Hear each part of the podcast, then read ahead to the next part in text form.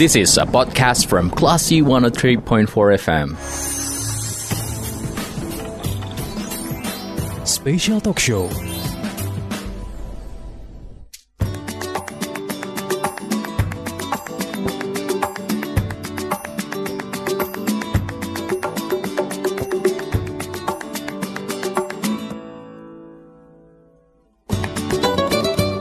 Dari Bumi Karang Putih Darung Padang, 103.4 Kelas FM, this is the actual radio. Assalamualaikum warahmatullahi wabarakatuh. Halo, selamat siang Classy People.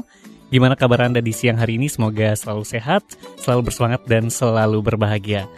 Ada saya Faris Sardana yang akan menemani Anda di siang hari ini dalam special talk show yang tentunya saya nggak sendirian karena di studio sudah hadir dari Pegadaian PT Pegadaian Persero Area Padang ada Vice Presidennya langsung yang datang ke studio kelas FM ada Pak Januardi SE. Kita akan sapa dulu Assalamualaikum, selamat siang Pak Januardi.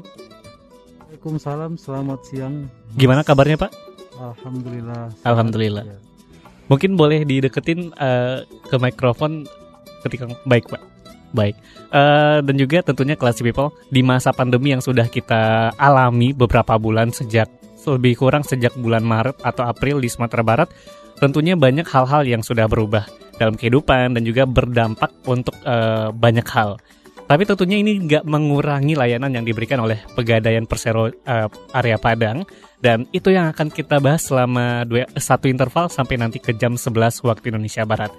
Mungkin langsung saja nih Pak Januari, selama masa pandemi, seperti apa, apa sih Pak operasional yang diterapkan oleh Pegadaian Persero area Padang? Silakan Bapak. Baik, terima kasih Mas. Eh, Assalamualaikum warahmatullahi wabarakatuh. Waalaikumsalam warahmatullahi wabarakatuh.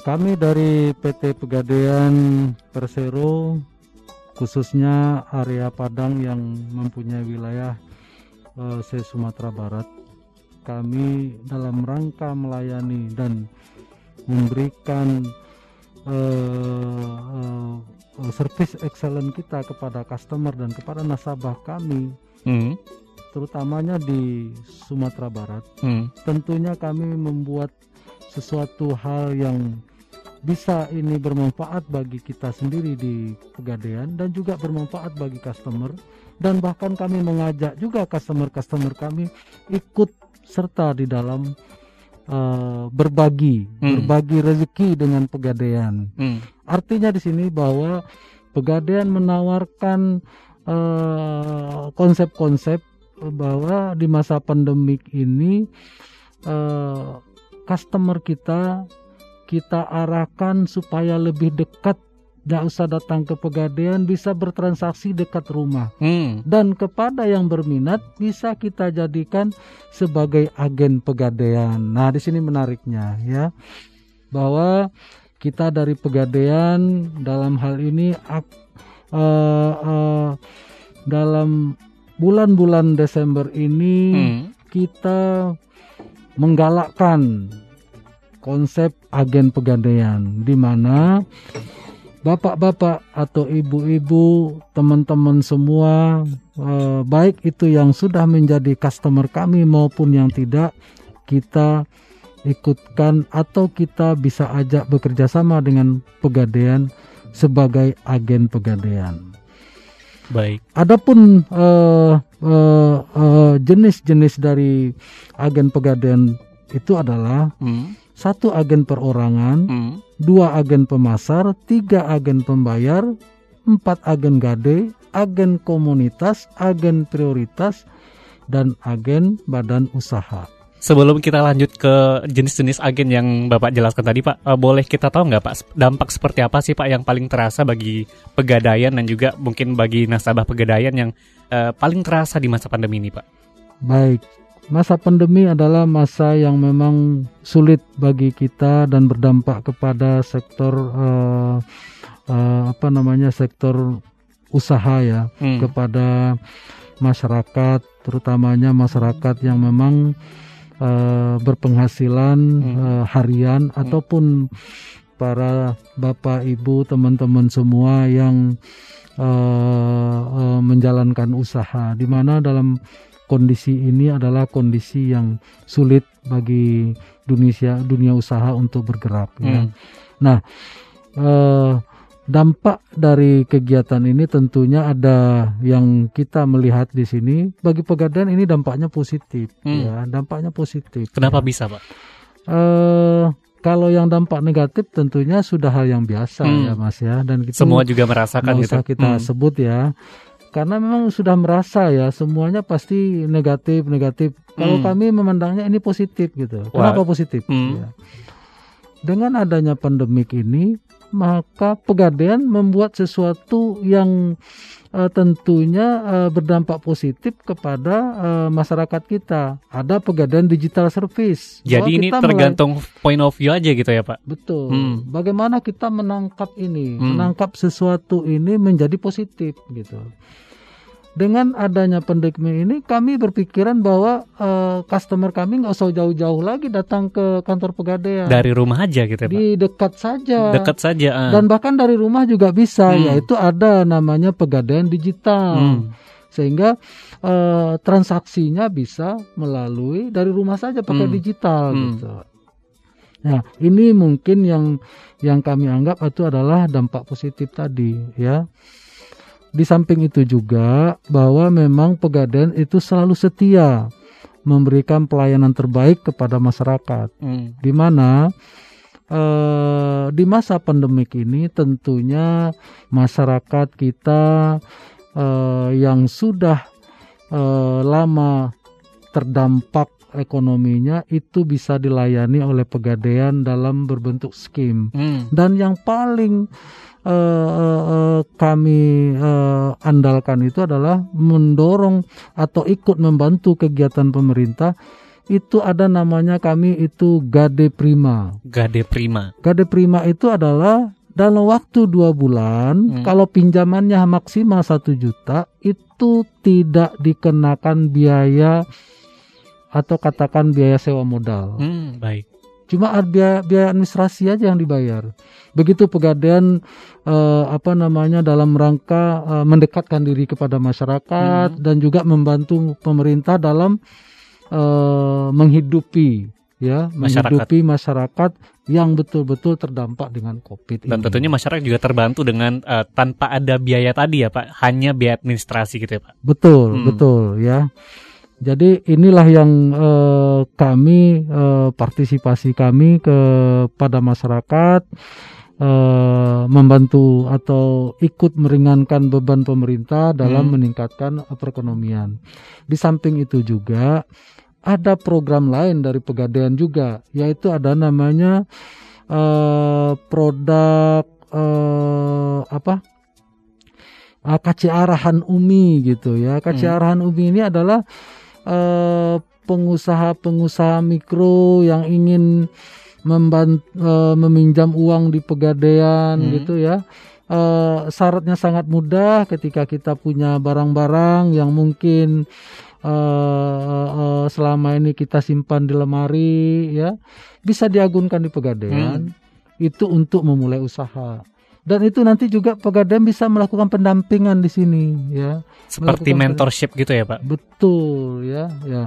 Ini ini bentuk-bentuk dari eh, pegadaian dalam rangka eh, menggerakkan perekonomian ini ya. Hmm.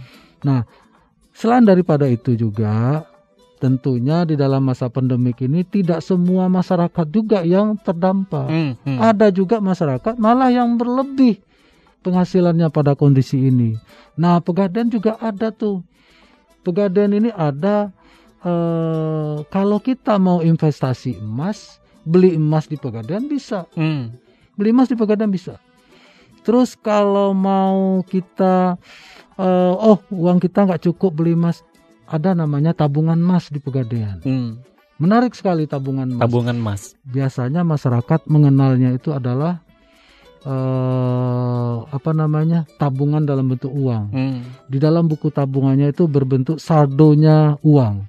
Kalau di pegadaian itu saldonya emas. Saldonya emas. Dibayar pakai uang tapi saldonya emas gitu ya Pak. Betul, dikonversi langsung dalam bentuk emas. Dan yang menarik lagi di sini adalah itu hanya dengan Rp10.000 bisa kita tabung emasnya.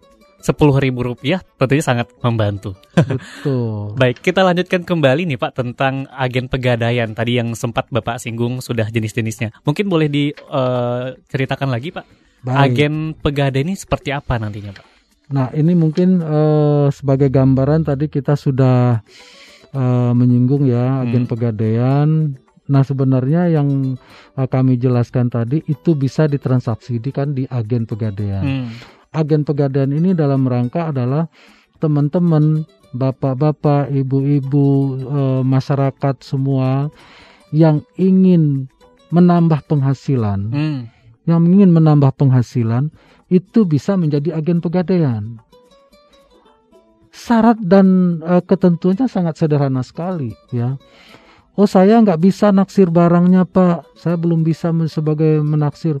Gampang, yang namanya di pegadaian ada agen pemasar, ada agen pembayar, ada agen gade, ada agen komunitas, ada agen prioritas. Nah di sini pembeda pembedaannya adalah Ketika agen pemasar, kita hanya mengajak orang saja, tetangga kita, teman kita, saudara kita, untuk bertransaksi di pegadaian, untuk mensolusi keuangan dia, datang Hmm. ke pegadaian. Kita masukkan nomor KTP-nya di dalam aplikasi agen pegadaian. Ketika nanti jadi transaksi, dapat fee. Kita akan bayarkan langsung ke dalam eh, rekening si eh, agen tersebut. Nanti juga membantu masyarakat untuk menerima penghasilan gitu ya Pak? Betul. Nah, ketika nanti yang lebih tinggi lagi itu agen gadai. Hmm. Agen gadai di sini adalah eh, agen ini eh, eh, bisa menerima barang jaminan. Hmm. Jadi eh, masyarakat yang mau- menggadai itu tidak perlu datang ke pegadaian, cukup datang ke agen saja. Yang mungkin kita sendiri atau tetangga kita gitu ya Pak? Betul. Baik. Jadi ada tetangga, ada saudara, ada ada teman. Nah itu yang kita eh, apa kita jadikan eh, sebagai pendekatan. Hmm. Agen-agen inilah yang akan mendekatkan eh, eh, eh, jangkauan pegadaian kepada masyarakat. Tidak perlu jauh. Terus yang lain yang menarik lagi kan tentunya masyarakat kita ini eh, sudah suatu rutinitas membayar listrik, Hmm. sudah suatu rutinitas beli pulsa, kirim uang, semuanya ada di pegadaian gitu. Semuanya ada di pegadaian produk-produk tersebut ya. Baik, Pak. Ini ada pertanyaan via WhatsApp. Eh, mungkin sebelum itu buat Anda classy people yang pengen bertanya ke Bapak Januardi yang merupakan Vice President dari Pegadaian Persero Cabang Padang, Hmm. area Padang maksud saya. Ada pertanyaan eh, bisa nanya ke WhatsApp Kelas FM di 0812 660 1034 dan ada pertanyaan dari Bu Anata dari Lubuk Buaya. Mhm. Bagaimana model bisnis untuk menjadi agen pegadaian? Kemudian bagaimana komisi menjadi agen pegadaian? Tapi kita akan jawab nanti di sesi berikutnya, Pak. Baik. Kita akan coba membahas lebih dalam mengenai ini. Dan Classy People, jangan ke mana-mana, pastikan Anda keep in tune di 103,4 Kelas FM. This is a podcast from Classy 103.4 FM. Special Talk Show.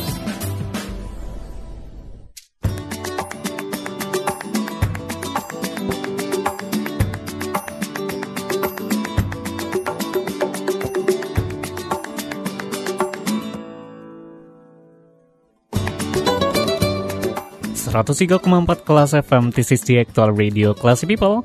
Anda masih mencermati special talk show di siang hari ini bersama saya Faris Sardana dan juga bersama Vice President PT Pegadaian Persero Area Padang, ada Bapak Januardi. Tadi ada pertanyaan Pak dari Bu Anata Baik. di Lubuk Buaya, bagaimana model bisnis untuk menjadi agen pegadaian dan gimana komisi untuk menjadi agen pegadaian ini Pak? Silakan Bapak.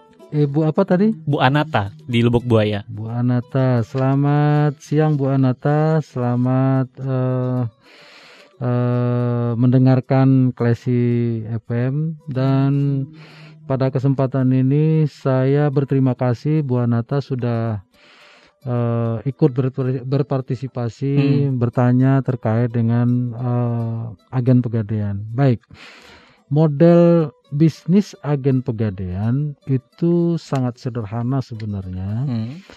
bahwa eh, yang menjadi agen pegadaian tentunya eh, mendaftar dulu ya mendaftar dulu ditercatat dulu nanti diaktifasi dulu Hmm. melalui aplikasi agen pegadaian setelah tercatat menjadi agen pegadaian Hmm.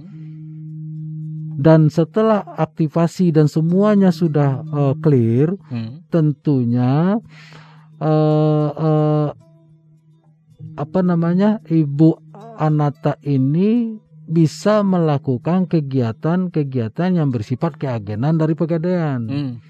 Nah, kegiatan-kegiatan keagenan dari pegadaian ini tentu sesuai dengan eh, eh, Jenis-jenis agen gitu ya, Pak? agennya. Hmm. Ibu Anata sebagai agen apa? Agen pe- agen pemasar, agen pembayar, agen gade itu boleh jadi satu kesatuan Hmm. asal kita menjadi agen gadai. Hmm. Ketika kita jadi agen gadai, tentunya kita eh, sekaligus sebagai agen pembayar dan sekaligus sebagai agen pemasar di sini.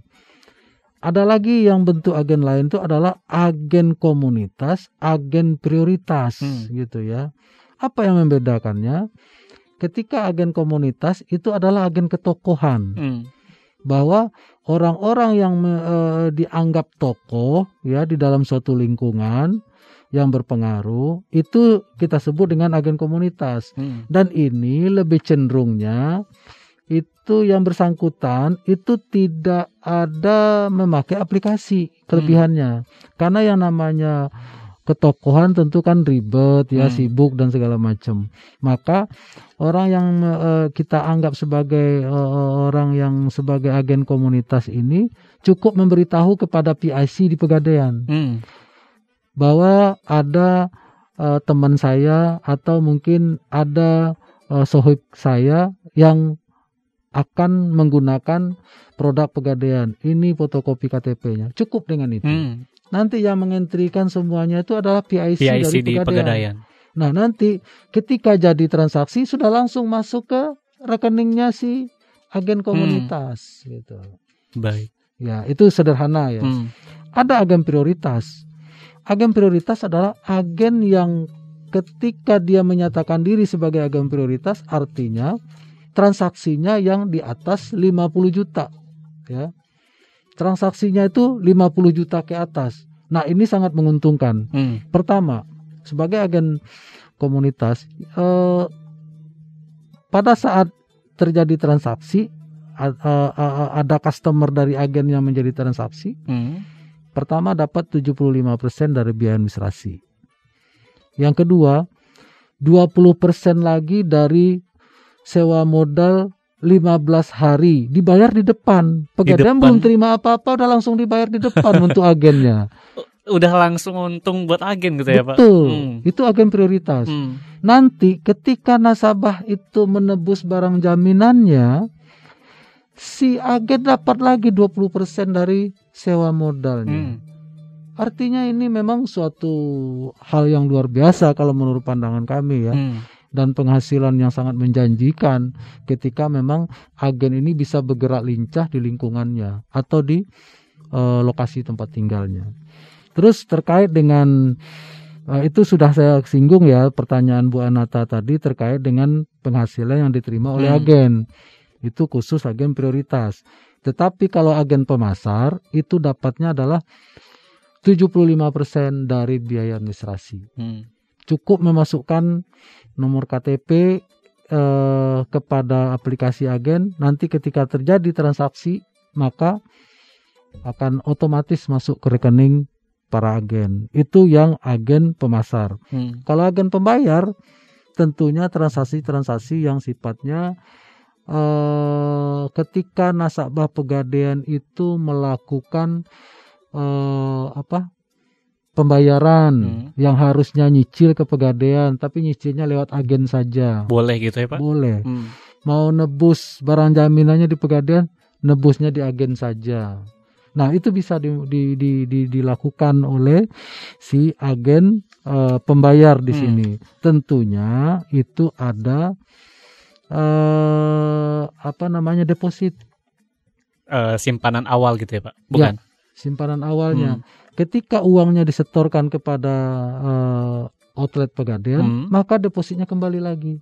Baik. Jadi ini menjadi jaminan juga bagi pegadaian bahwa uang di agen itu sudah ada depositnya gitu. Ya, dan juga memberikan jaminan kepada customer juga kepada masyarakat Jadi masyarakat jangan ragu dan jangan sanksi untuk bertransaksi Bersama agen- pegadaian. di agen pegadaian gitu maksudnya. Terus ada agen apa lagi tadi?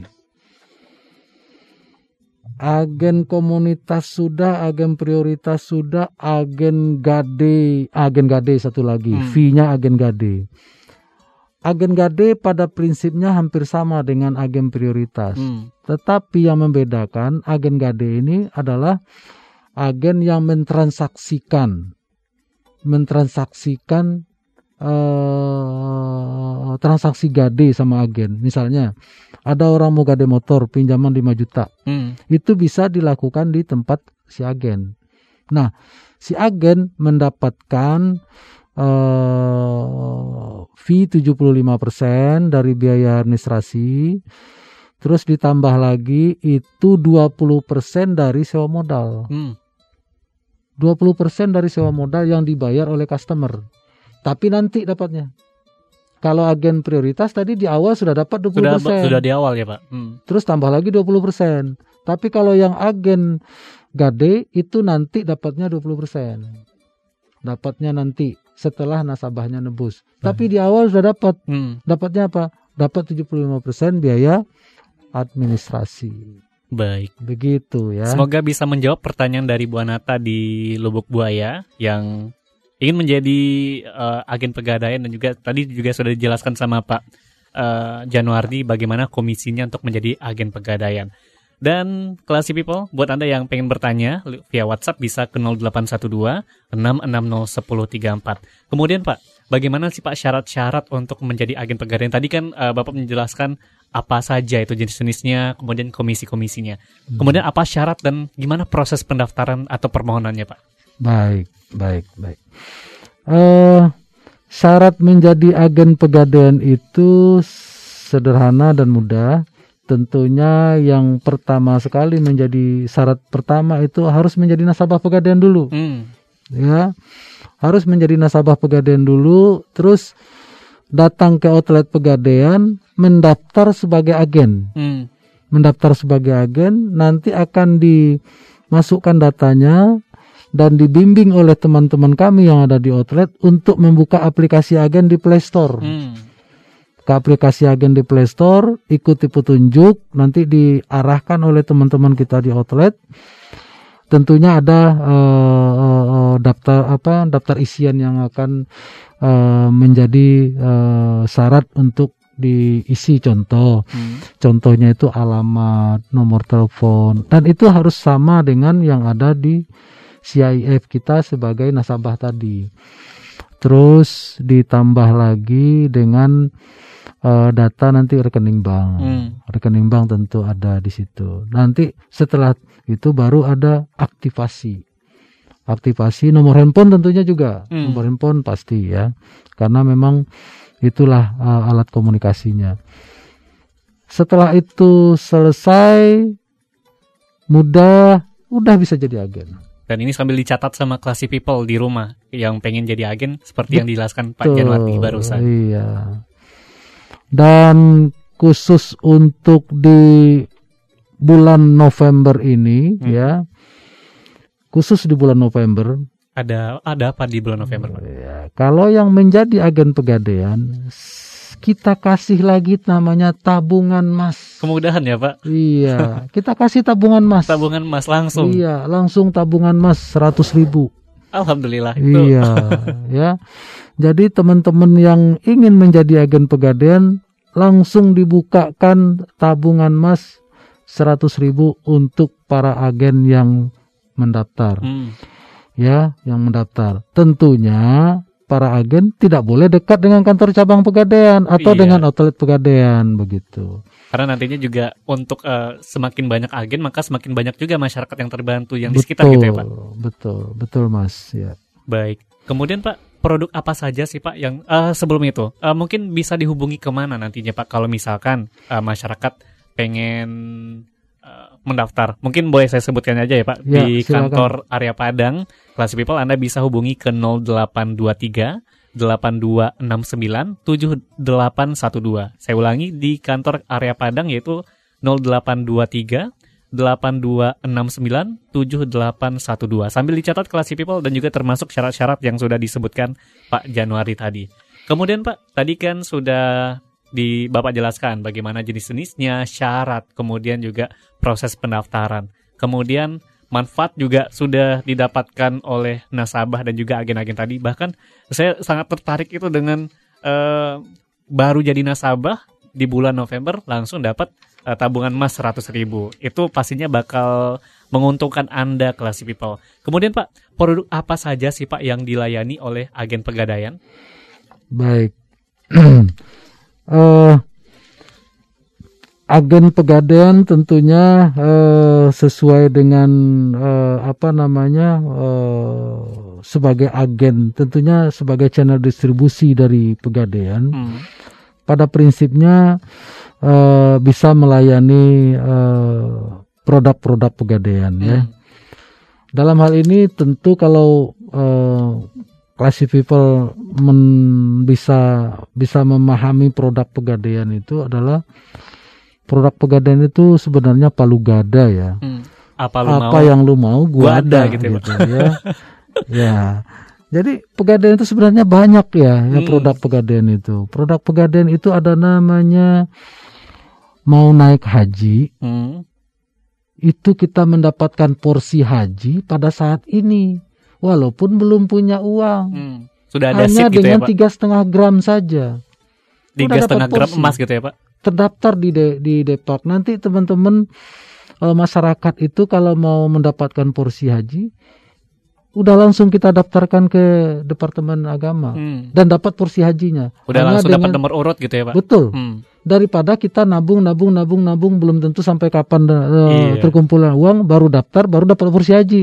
Makin lama dapatnya. Hmm. Tapi kalau sekarang kita langsung dapat porsi haji. Itu ada produk pegadaian, ya. Itu bisa di agen. Hmm. Kita mau buka usaha, kita mau uh, gadekan BPKB kita, hmm. kita punya usaha, menambah modal, ya sudah bisa BPKB-nya disekolahkan dulu di pegadaian. Ada lagi produk pegadaian, oh saya nggak mau ribet. Daripada di lemari saya simpan masa di lemari. Hmm. takut sekarang malingnya banyak siang hari. Bukan malam sekarang malingnya. Banyak siang hari gitu ya. Di siang bolong udah bisa hilang gitu ya pak? Betul. Hmm. jadi sekarang di rumah kan nggak punya berangkas mas di rumah itu hanya ditaruh dalam lemari. Atau lemari di bawah bantal, di bawah kasur gitu ya, Pak. Gitu. Jadi daripada disimpan di sana kita jalan keluar hmm. itu juga nggak nyaman. Perhiasan kalau dibawa keluar juga nggak nyaman hmm. juga. Ya kan? Ya udah titip di pegadaian, dapat uang, dapat uh, penghasilan. Nanti dari penghasilannya bisa lagi nebus barang itu. Asal memang kita disiplin untuk menjalankan usaha kita. Jadi itu produk yang yang disebut dengan uh, uh, KCA gitu hmm. ya. Itu bisa dilakukan di uh, kita bisa melalui agen pemasar atau langsung di agen gade juga bisa. Nah, terus selanjutnya agen pembayar. Agen pembayar itu kan nasabah-nasabah yang sudah uh, terdaftar sebagai nasabah pegadaian bisa cicilan emas top up tadi hmm. ya top up uh, tabungan emas bisa di agen pembayar juga terus uh, bisa menyicil uh, gadaiannya di pegadaian hmm. bisa cicilan gitu ya terus juga uh, uh, apa namanya bisa membayar uh, angsuran kredit uh, kreasi atau kredit uh, BPKB tadi hmm. itu bisa dilakukan di agen pegadaian. pembayar ya di agen pembayar. Agen prioritas ya sama ya seperti itu juga. Di agen komunitas juga sama ya. Eh ini ada yang menarik nih mas satu Apa lagi. Ada yang menarik nih. Sekarang itu eh, pegadaian kalau mau beli kendaraan juga bisa di pegadaian loh mas. Ini seperti apa prosesnya nanti pak? Eh, misalnya mas mau beli apa namanya uh, motor ya hmm.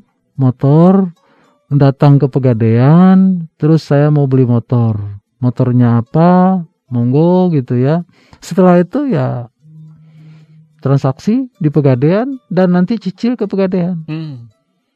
Tentunya eh, ada eh, persyaratan eh, DP-nya sekian. Hmm. begitu. Syarat dan ketentuan berlaku. Betul. Baik ya. Pak, kita akan lanjutkan nanti di sesi berikutnya Pak. Dan di sesi terakhir kita akan juga membahas masih lanjutan mengenai agen uh, pegadaian Classy People. Buat Anda yang pengen bertanya bisa ke 0812 660 1034. This is a podcast from Classy 103.4 FM. Special Talk Show.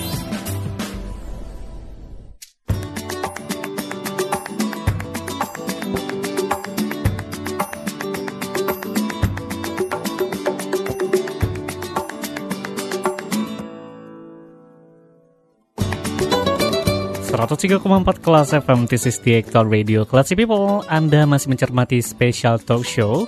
Bersama saya Faris Sardana dan ada Pak Januardi Yang merupakan Vice President PT Pegadaian Persero Area Padang.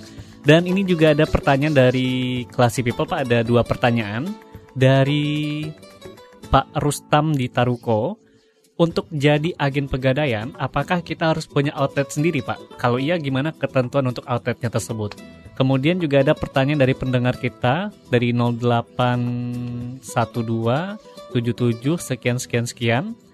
Eh, untuk menjadi agen, apakah bisa mengambil dua jenis agen, Pak? Eh, tadi ada agen prioritas, kemudian agen-agen lainnya. Silakan, Bapak. Untuk pertanyaan Pak Rustam dulu, Pak. Apakah Baik. harus punya outlet dulu? Baik, terima kasih Pak Rustam. Eh, untuk menjadi agen pegadaian, apakah perlu atau eh, harus punya eh, outlet? Gitu. Sebenarnya eh, eh, agen pegadaian itu akan diketahui orang Hmm. ketika ada eh, brandingnya. Hmm. tentu ada brandingnya dipasang di mana gitu. Pada prinsipnya karena transaksi ini bisa dilakukan dengan digital, itu sebenarnya eh, eh, eh, eh, toolsnya itu tidak perlu ada outlet, Hmm. tetapi orang akan tahu keberadaan agen itu tentunya dengan branding. Baik. Dengan branding, apakah rumahnya di branding, rumah Pak Rustam yang di branding, apakah tokonya Pak Rustam di branding, kios Pak Rustam yang di branding, tentu ada yang menyatakan ini agen pegadaian Hmm. dan kami yang melakukan branding. Dan kalau memang Pak Rustam itu menginginkan ada tempat, kami siap branding Hmm. sebagus mungkin dan biayanya dari pegadaian, bukan dari Pak Rustam. Nah, supaya diketahui oleh lingkungan, tentunya ada yang kita lakukan pemasangan eh, eh, Semacam banner gitu ya? semacam banner, Hmm. spanduk ya. Kalau perlu juga, kalau menjadi agen gadai tentunya ada tempat, Hmm. adanya eh, apa namanya, Penyimpanan ada barang gitu ya, Pak. Ya, Hmm. kalau enggak eh, agen gade ini bisa di pick up oleh pegadaian nanti oh sore diambil Hmm, barangnya bisa demikian. Tetapi yang jelas ketika nasabah datang tentunya dia ada tempat yang dikunjungi. Hmm. Kekait dengan agen pemasar tentunya nggak perlu ada branding, Hmm. ada apa namanya, ada kios, ada outlet gitu. Karena agen pemasar ini cuma ngomong-ngomong doang. Ngomong nanti masukkan ke dalam aplikasi, Hmm. udah. Nanti ketika terjadi transaksi sudah. Ini tugas semacam marketing gitu ya, Pak. Betul, Hmm. betul kalau agen pemasar ya. Hmm. Tapi kalau agen gade itu pasti punya outlet ya dan kami branding di situ. Baik. Agen pembayar pun begitu demikian juga Hmm. karena perlu tempat karena di branding, di brand tadi. Kalau nggak nggak tahu orang kalau Iya. keberadaan agen seperti apa. Kita harus tahu kalau misalkan orang mau transaksi kira-kira ke mana. Nah, dari dari branding tadi gitu ya, Pak. Orang bakal tahu. Jadi yang tidak perlu ada uh, outlet satu agen pemasar, Hmm. yang kedua agen komunitas, yang ketiga agen prioritas. Sebenarnya tidak perlu ada outlet. Hmm. tidak perlu ada outlet. Tapi alangkah lebih bagusnya tetangga semua tahu lingkungan Tahu, tahu, kalau itu di agen pegadaian ada di sana pakai outlet. Rumah, garasi mobil juga bisa. Bisa. Baik. Itu pertanyaan untuk Pak Rustam mudah-mudahan terjawab dan kemudian untuk eh, pendengar kita yang di 0812 sekian sekian eh, untuk jadi agen bisa ngambil dua jenis agen nggak Pak? Kemudian ini juga dua pertanyaan nih Pak. Berapa jumlah minimal transaksi? Dan jika kurang dari yang sudah ditentukan, apakah agen masih akan mendapatkan fee nantinya? Baik. Ini eh, nggak ada nama ya, Hmm. nggak ada nama. Baik. Eh, Bapak Ibu ya kalau kalau seandainya eh, jadi agen itu boleh mengambil agen sekaligus dua ya, Hmm. boleh. Tapi jangan agen prioritas. Agen prioritas hanya satu agen prioritas saja. Dan agen komunitas juga demikian. Hmm. Agen komunitas juga nggak bisa digabung dengan agen gade, dengan agen pemasar nggak bisa. Dia berdiri sendiri-sendiri. Tapi agen pemasar merangkap agen pembayar, merangkap agen gade boleh. Hmm. Jangan dua, tiga boleh sekaligus. Tiga boleh. Iya. Jadi kalau agen prioritas itu kan ada pengecualian. Hmm. karena transaksinya di atas 50 juta ya. Dan dia mendapatkan fee dua kali eh tiga kali malah fee biaya administrasi fee apa lagi eh fee sewa dapat sewa modal 20% ketika nasabah menebus pun dia dapat juga 20% Ketak kalau eh, jika dia di, transaksi nasabahnya transaksi di bawah 50 juta maka dia tidak mendapatkan fee seperti agen prioritas kembali fee sebagai agen pemasar. Itu eh, penghasilan eh, fee yang akan diterima Hmm. oleh agen prioritas. Kalau agen komunitas kan lebih enak lagi. Hmm. Agen komunitas kan ketokohan ya, ketokohannya. Terus bagaimana eh, batasan transaksi? Nggak ada batasan.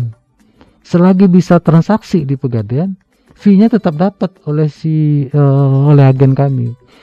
Yang namanya kami kan eh, transaksi di pegadaian itu ya memang sangat membantu masyarakat ya. 50.000 ribu aja boleh minjam di pegadaian ya.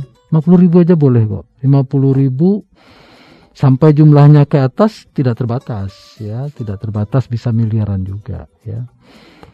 Eh, yang jelas itu 75% biaya administrasinya itu akan menjadi fee bagi si agen. Hmm.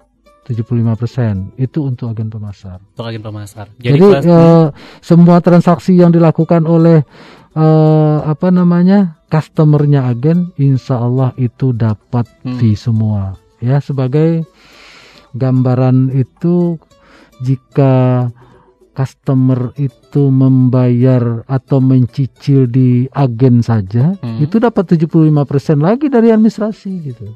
Awalnya gade, habis itu nyicil di sini lagi, itu dapat lagi Hmm. dan satu orang nasabah itu bisa berkali-kali sih agennya dapat fee gitu. Jadi buat anda classy people yang mungkin oh kok transaksinya kurang nih di bulan ini nggak perlu ragu karena fee-nya tetap dapat gitu. Ya, tidak ada batasan Hmm. maksudnya tidak ada batasan oh, oh, ini si agen ya ada batasan omset Hmm. gitu ya. Kalau nggak nyampe transaksi 50 juta nggak dapat Hmm. fee gitu kan. Enggak. Di pegadaian sistemnya tidak menghitung demikian. Setiap ada transaksi Itu ada fee yang ada bakal didapat. fee. Nggak perlu ragu, nggak perlu eh, takut kehilangan penghasilan karena Betul. sekecil apa pun transaksinya bakal dihargai dengan eh, aktivitas-aktivitas kita tadi dengan fee yang harusnya kita dapatkan. Kemudian Pak, eh, ini mungkin pertanyaannya agak eh, nggak lompat juga sih sebenarnya. Barang seperti apa sih Pak yang mungkin bisa dijadikan agunan kredit ke agen pegadaian? Nanti kan juga mereka mungkin juga kita bisa langsung ke agen pegadaian, tapi kira-kira barang-barang seperti apa saja Pak? barang-barang yang diagunkan ke pegadaian dan ke agen pegadaian itu sama Hmm. ya tidak ada bedanya yang membedakannya adalah transaksinya satu di agen satu lagi di outlet pegadaian ya tentunya ada syarat-syarat barang yang bisa diagunkan di pegadaian. Tergantung transaksinya apa. Pertama transaksi kalau transaksinya itu adalah transaksi gade Hmm. itu adalah barang-barang yang diterima di pegadaian. Contoh seperti perhiasan emas ya berlian. Terus kalau yang barang eh, barang-barang yang eh, barang kami menyebutnya selain emas ya non emas itu contoh sepeda motor Hmm. handphone laptop ya pada prinsipnya barang-barang itu semua bisa diterima oleh pegadaian Hmm. asal Bergerak atau tidak mempunyai bergerak nilai gitu ya? Yang Bergerak itu atau adalah tidak barang-barang yang barang-barang bergerak ya. Hmm. Barang bergerak itu adalah barang yang bisa dipindah tangankan Hmm. dari sisi orang kepada orang lain. Ya. Tapi kalau barang yang tidak bisa dipindah tangankan itu tidak bisa digade. Hmm, baik.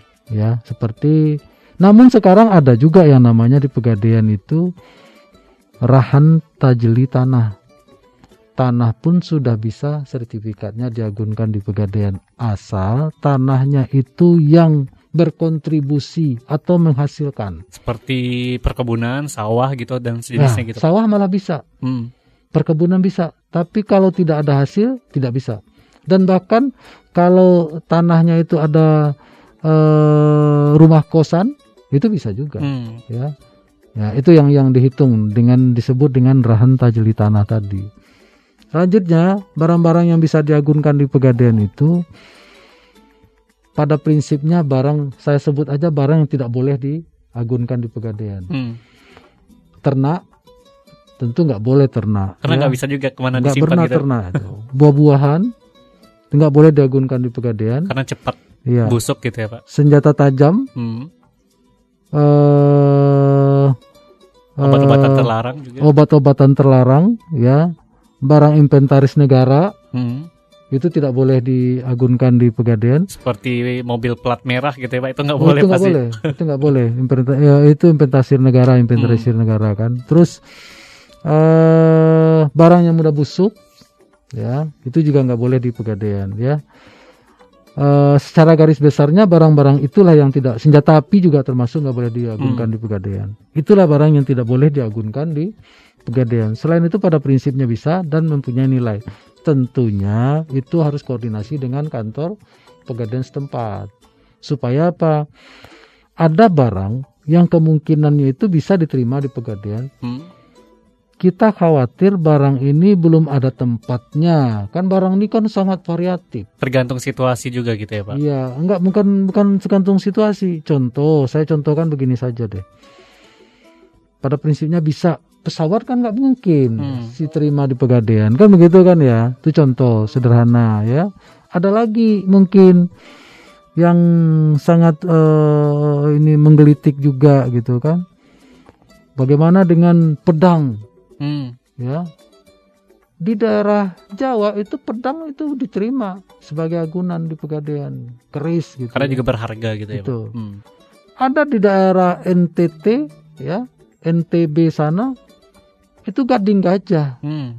diagunkan di pegadaian Karena punya nilai jual yang tinggi di sana. ya karena itu kan yang namanya eh, perkawinan itu kan pakai gading gajah Hmm. gitu ya sebagai anunya sebagai mahar atau apa gitu ya terus eh, di pegadaian yang eh, yang ini lagi contoh sederhananya eh, kamera Hmm. kamera yang sangat sensitif dengan tempat penyimpanan. Kalau kami belum punya tempat penyimpanan, tentunya kami tolak. Kami khawatir barang ini akan rusak. Hmm. Tapi kalau ada tempat penyimpanannya, kami terima. Laptop itu terima, Hmm. terima ya laptop kita terima. Jadi pada prinsipnya seperti tadi ya barang-barang yang di yang yang bisa diagunkan di pegadaian itu pada prinsipnya bisa secara umum tentunya kita sesuaikan dengan kantor pegadaian. Baik. Namun Mhm. yang paling umum diagunkan di pegadaian itu adalah emas, Hmm. Kendaraan. motor, kendaraan ya, laptop, handphone ya yang diagunkan di pegadaian. Baik. Oke. Dan buat Anda classy people yang pengen menjadi agen dengan segala kemudahan, dengan segala benefit yang bisa Anda dapatkan, bisa hubungi kantor area Padang Pegadaian di 0823 8269 7812. Sekali lagi classy people bisa Anda catat 0823 8269 7812. Karena waktu kita eh, hampir jam 11 sih Pak, mungkin bisa sampaikan closing statement dari pembahasan kita dan juga mengajak buat masyarakat untuk menjadi agen pegadaian dan nggak ragu lagi dengan eh, benefit yang bisa didapatkan. Silakan Bapak. Baik, terima kasih eh eh, Bapak Ibu, teman-teman semua yang hadir pada kesempatan ini sebagai pendengar bahwa pegadaian perlu kami tingkat kami perlu tegaskan di sini adalah eh, BUMN, Hmm. badan usaha milik negara dan ini adalah eh, perseroan milik negara. Hmm. Jadi Eh, artinya apa? Artinya Bapak Ibu teman-teman semua tidak usah ragu, tidak usah khawatir dengan pegadaian karena pegadaian itu adalah eh, badan usaha milik negara yang memberikan kontribusi kepada negara dan eh, semua transaksi pegadaian itu dilindungi oleh OJK. Hmm. Jadi kami itu adalah badan usaha yang regulasinya oleh OJK. Itu yang pertama. Yang kedua, kami akan selalu memberikan eh, pelayanan terbaik kepada customer kami, Hmm. kepada nasabah kami. Itu adalah konsen kami dalam dalam rangka mendekatkan diri kepada customer kami. Mudah-mudahan customer kami yang berada di Sumatera Barat ini familiar dengan gadai karena pegadaian itu tidak seperti yang ada di benak kita selama ini Hmm. Yang selama ini orang datang ke Pegadaian hanya untuk gade.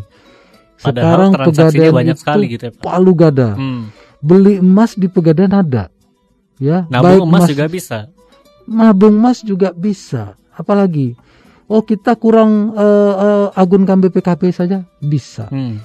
Jadi eh, apa pun itu bentuk transaksi keuangan ada di Pegadaian. Sehingga usah ragu, silakan eh, hubungi outlet terdekat kami dari keberadaan Bapak Ibu semuanya. Mungkin ini yang eh, dapat kami sampaikan. Jangan lupa bahwa Pegadaian itu adalah mengatasi masalah Tanpa, tanpa masalah. masalah. Lebih kurangnya saya mohon maaf. Wabillahi taufik wal hidayah. Assalamualaikum warahmatullahi wabarakatuh. Waalaikumsalam warahmatullahi wabarakatuh. Terima kasih Pak Januari yang sudah berbagi bersama kelas FM yang merupakan Vice President PT Pegadaian Persero Area Padang di siang hari ini dalam special talk show. Dan Classy People kita berdua pamit dalam special talk show di hari ini. Saya Faris Sardana dan Pak Januardi eh, pamit dan mohon maaf jika ada kesalahan. Wassalamualaikum warahmatullahi wabarakatuh. And then see you. This is a podcast from Classy 103.4 FM.